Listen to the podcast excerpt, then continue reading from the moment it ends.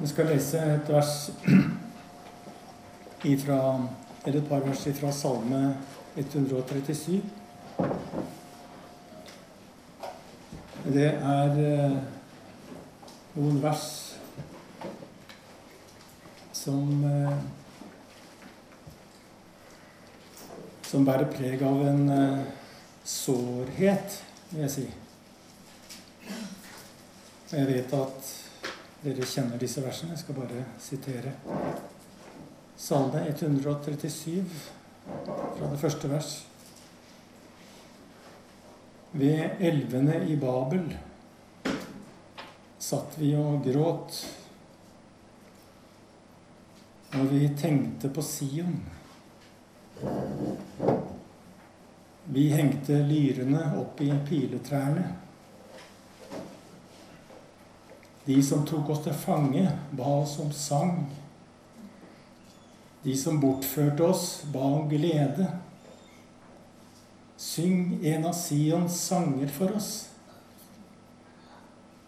Men hvordan kan vi synge Herrens sanger på fremmed jord?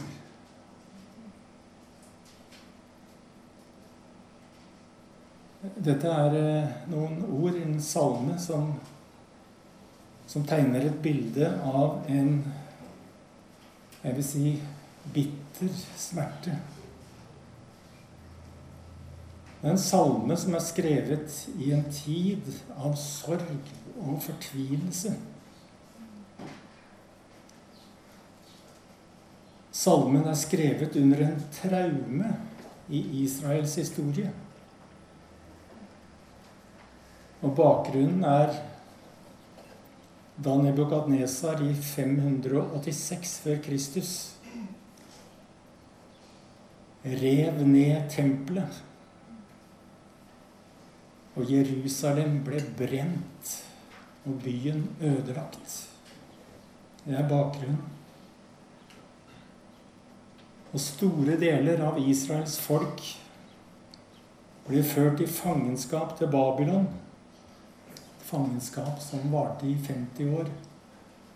50 år i et liv i eksil.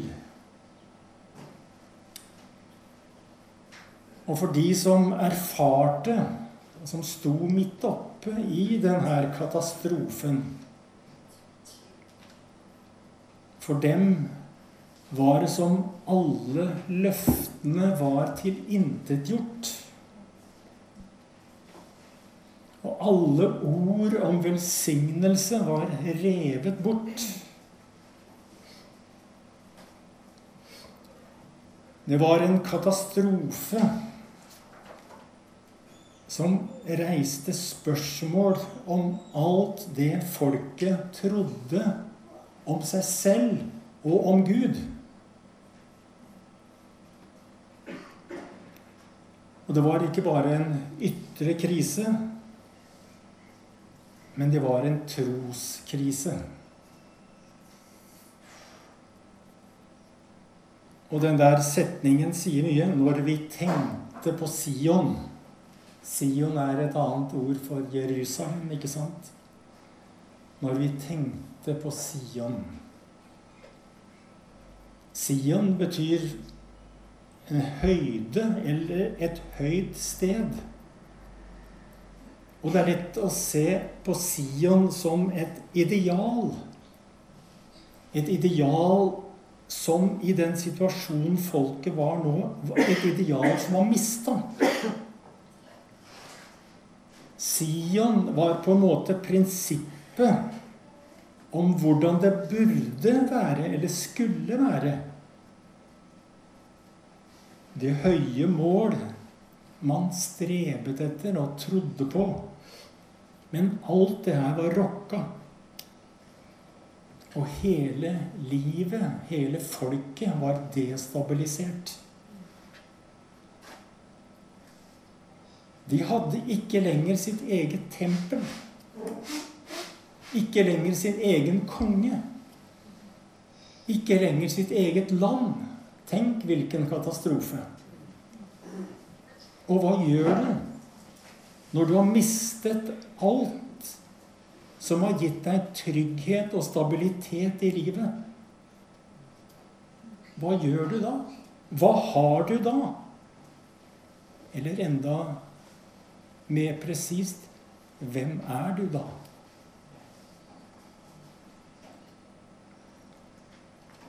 For Israels folk så var det en eksistensiell krise. Det var en krise som hadde med grunnleggende livsbetingelser å gjøre. Og når sant skal sies ingen som får leve et stykke tid, kommer utenom sånne kriser i livet. Ingen kommer utenom. Å leve handler av og til om at de høye idealene og prinsippene blir satt på prøve. Å leve handler av og til om at det vi har satt vår lit til, blir rokka.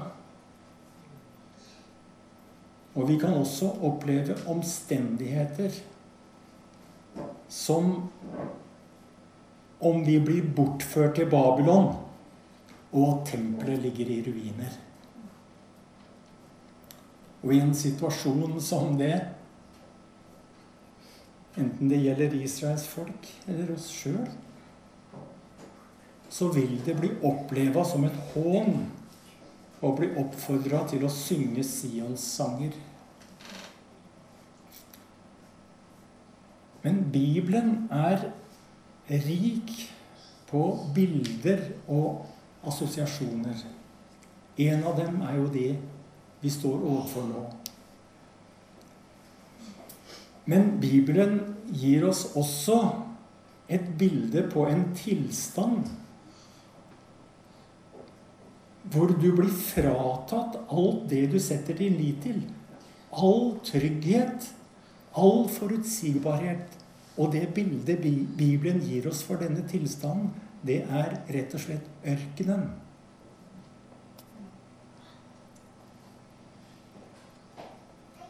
Og jeg gjentar meg sjøl når jeg sier ingen menneskers livsvei kommer utenom ørkenen.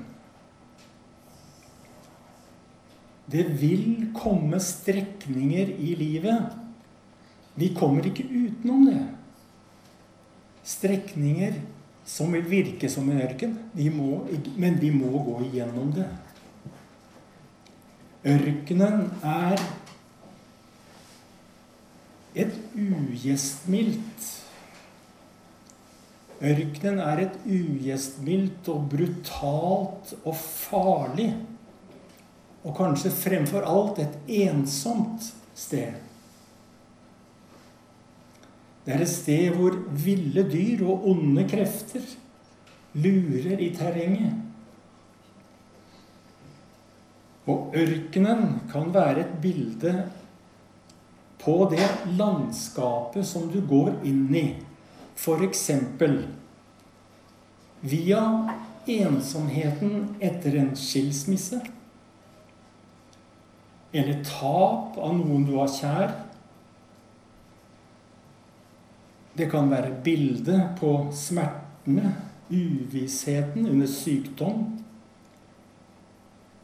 Det kan også være et bilde på den lange etappe av utholdenhet i omsorgen for en nærstående.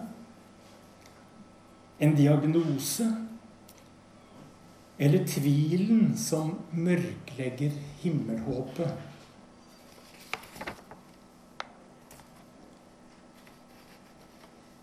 Ørkenen, eller vandringen i ørkenen, gjør deg desorientert. Du mister retningssansen. Og det bringer fram frykt og spørsmål og indre brytninger og kamp.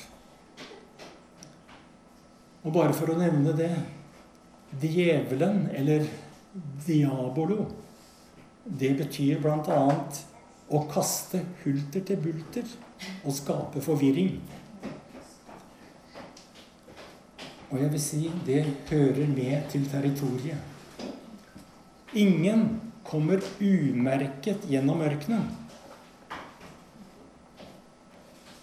Og i ørkenen kan, kan hver ravn med brød i nebbet bety liv eller død, med henvisning til Elia, som ble eh, satt ved bekken Kritt øst for Jordan, og som var avhengig av det brød som ravnen brakte han hver dag. Også for oss kan ørkenen bety at hver ravn med brød i nebbet kan bety liv eller død. Men det er også sant at mange av de viktigste hendelsene i livet finner sted i ørkenen. Det var der Jakob møtte Herrens engel og fikk et nytt navn. Det var i ørkenen Moses møtte Gud i en brennende tornebusk og fikk sitt kall. Og det var der Hagar oppdaget at du er en Gud som ser. Det var også i ørkenen David fikk sin opplæring i kamp med bjørn og løve. Og vi gjør klokt i å lytte til dem som har gått hjem igjennom ørkenen og kommet ut av ørkenen.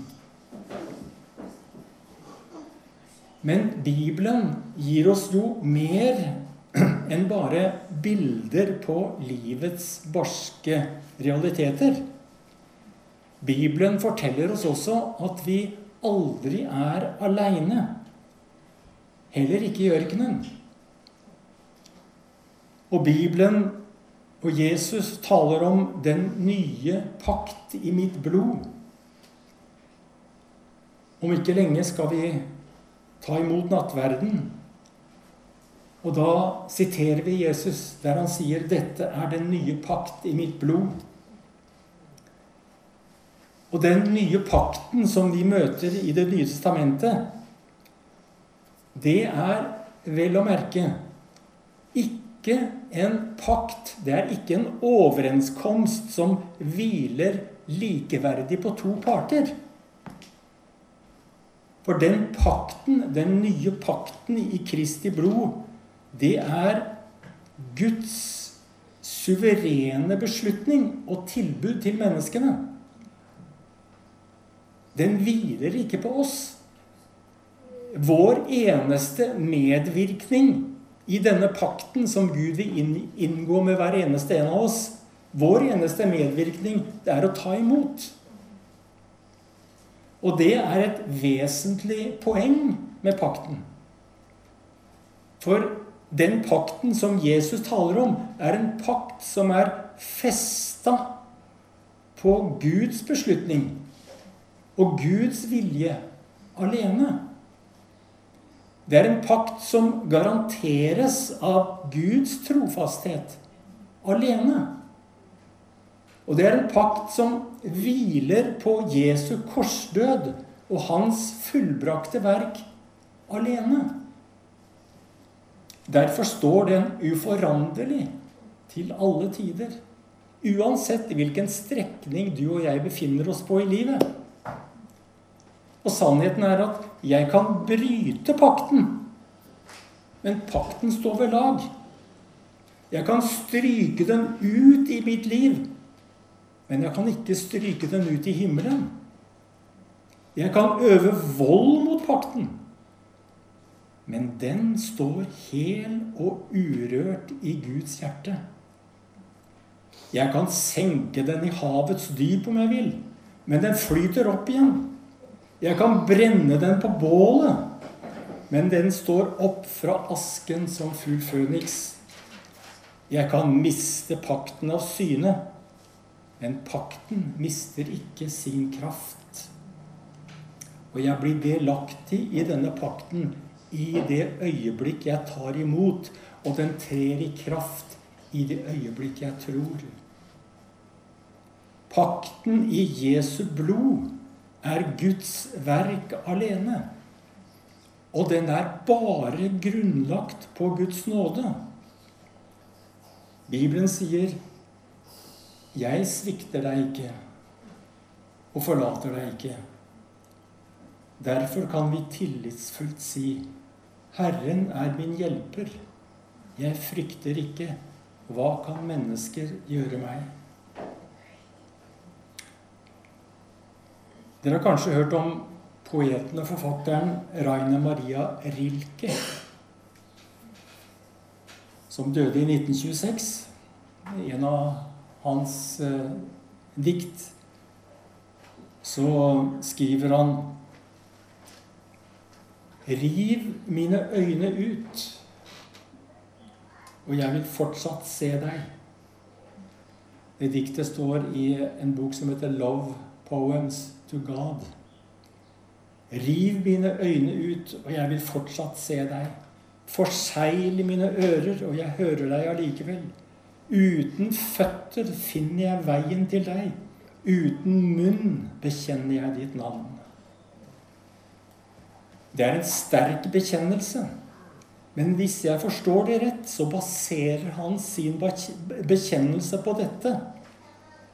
At det er Gud som holder i pakten, og ikke han. Og når Gud holder fast i pakten, så betyr det lite om vi slipper taket. For Gud holder tak i oss allikevel. Så poeten uttrykker en triumf i det her verset. Men det er en triumf som ikke er hans egen. Han bekjenner seg til et ubrytelig bånd. Et bånd som står fast fordi Gud holder det fast. Og i Bibelens siste bok, åpenbaringsboka, står det en beskrivelse av en ny himmel og en ny jord. En beskrivelse av det himmelske Jerusalem. Et annet Sion. Det står også på et høyt og stort fjell, står i åpenbaringa 21.10. Et stort og høyt fjell som er skjult i himmelen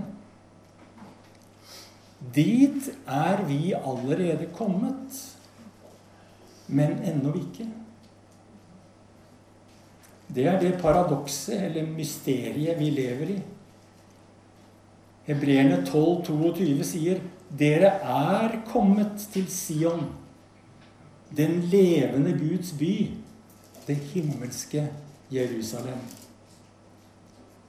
Og midt i denne byen står livets tre, hvor bladene alltid er grønne, og som bærer frukt tolv ganger i året. Så står det en merkelig ting. Jeg vet ikke om dere har lagt merke til det, men det står i åpenbaringen 22.2 og bladene på treet er til legedom. Men har dere tenkt på det? det? Det treet står jo i himmelen. Og behøves det legedom i himmelen? Er ikke det et underlig vers? Bladene på treet er til legedom. Behøves det legedom i himmelen? Ja, kanskje. Ja, jeg tror det. For der skal alle sorger slukkes. Der skal alle sår leges.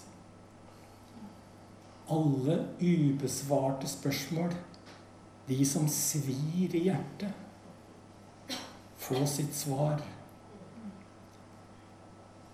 Og der skal alle ørkenens gåter få sin løsning.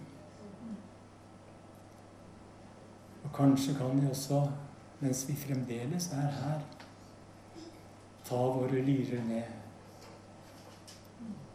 og synge Sions herlige sanger. For uansett hvor vi befinner oss, i ørkenen eller utenfor, så finnes det et sted dypest i vårt hjerte Det ligger et magnifikat, en lovsang, en tilbedelse. En herlig sang og en takk til Gud som har tatt hånd om oss, gitt oss del i pakten. Og latt oss ha et evig håp om at en dag skal alle spørsmål besvares.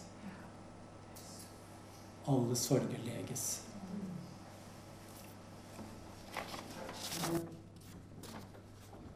thank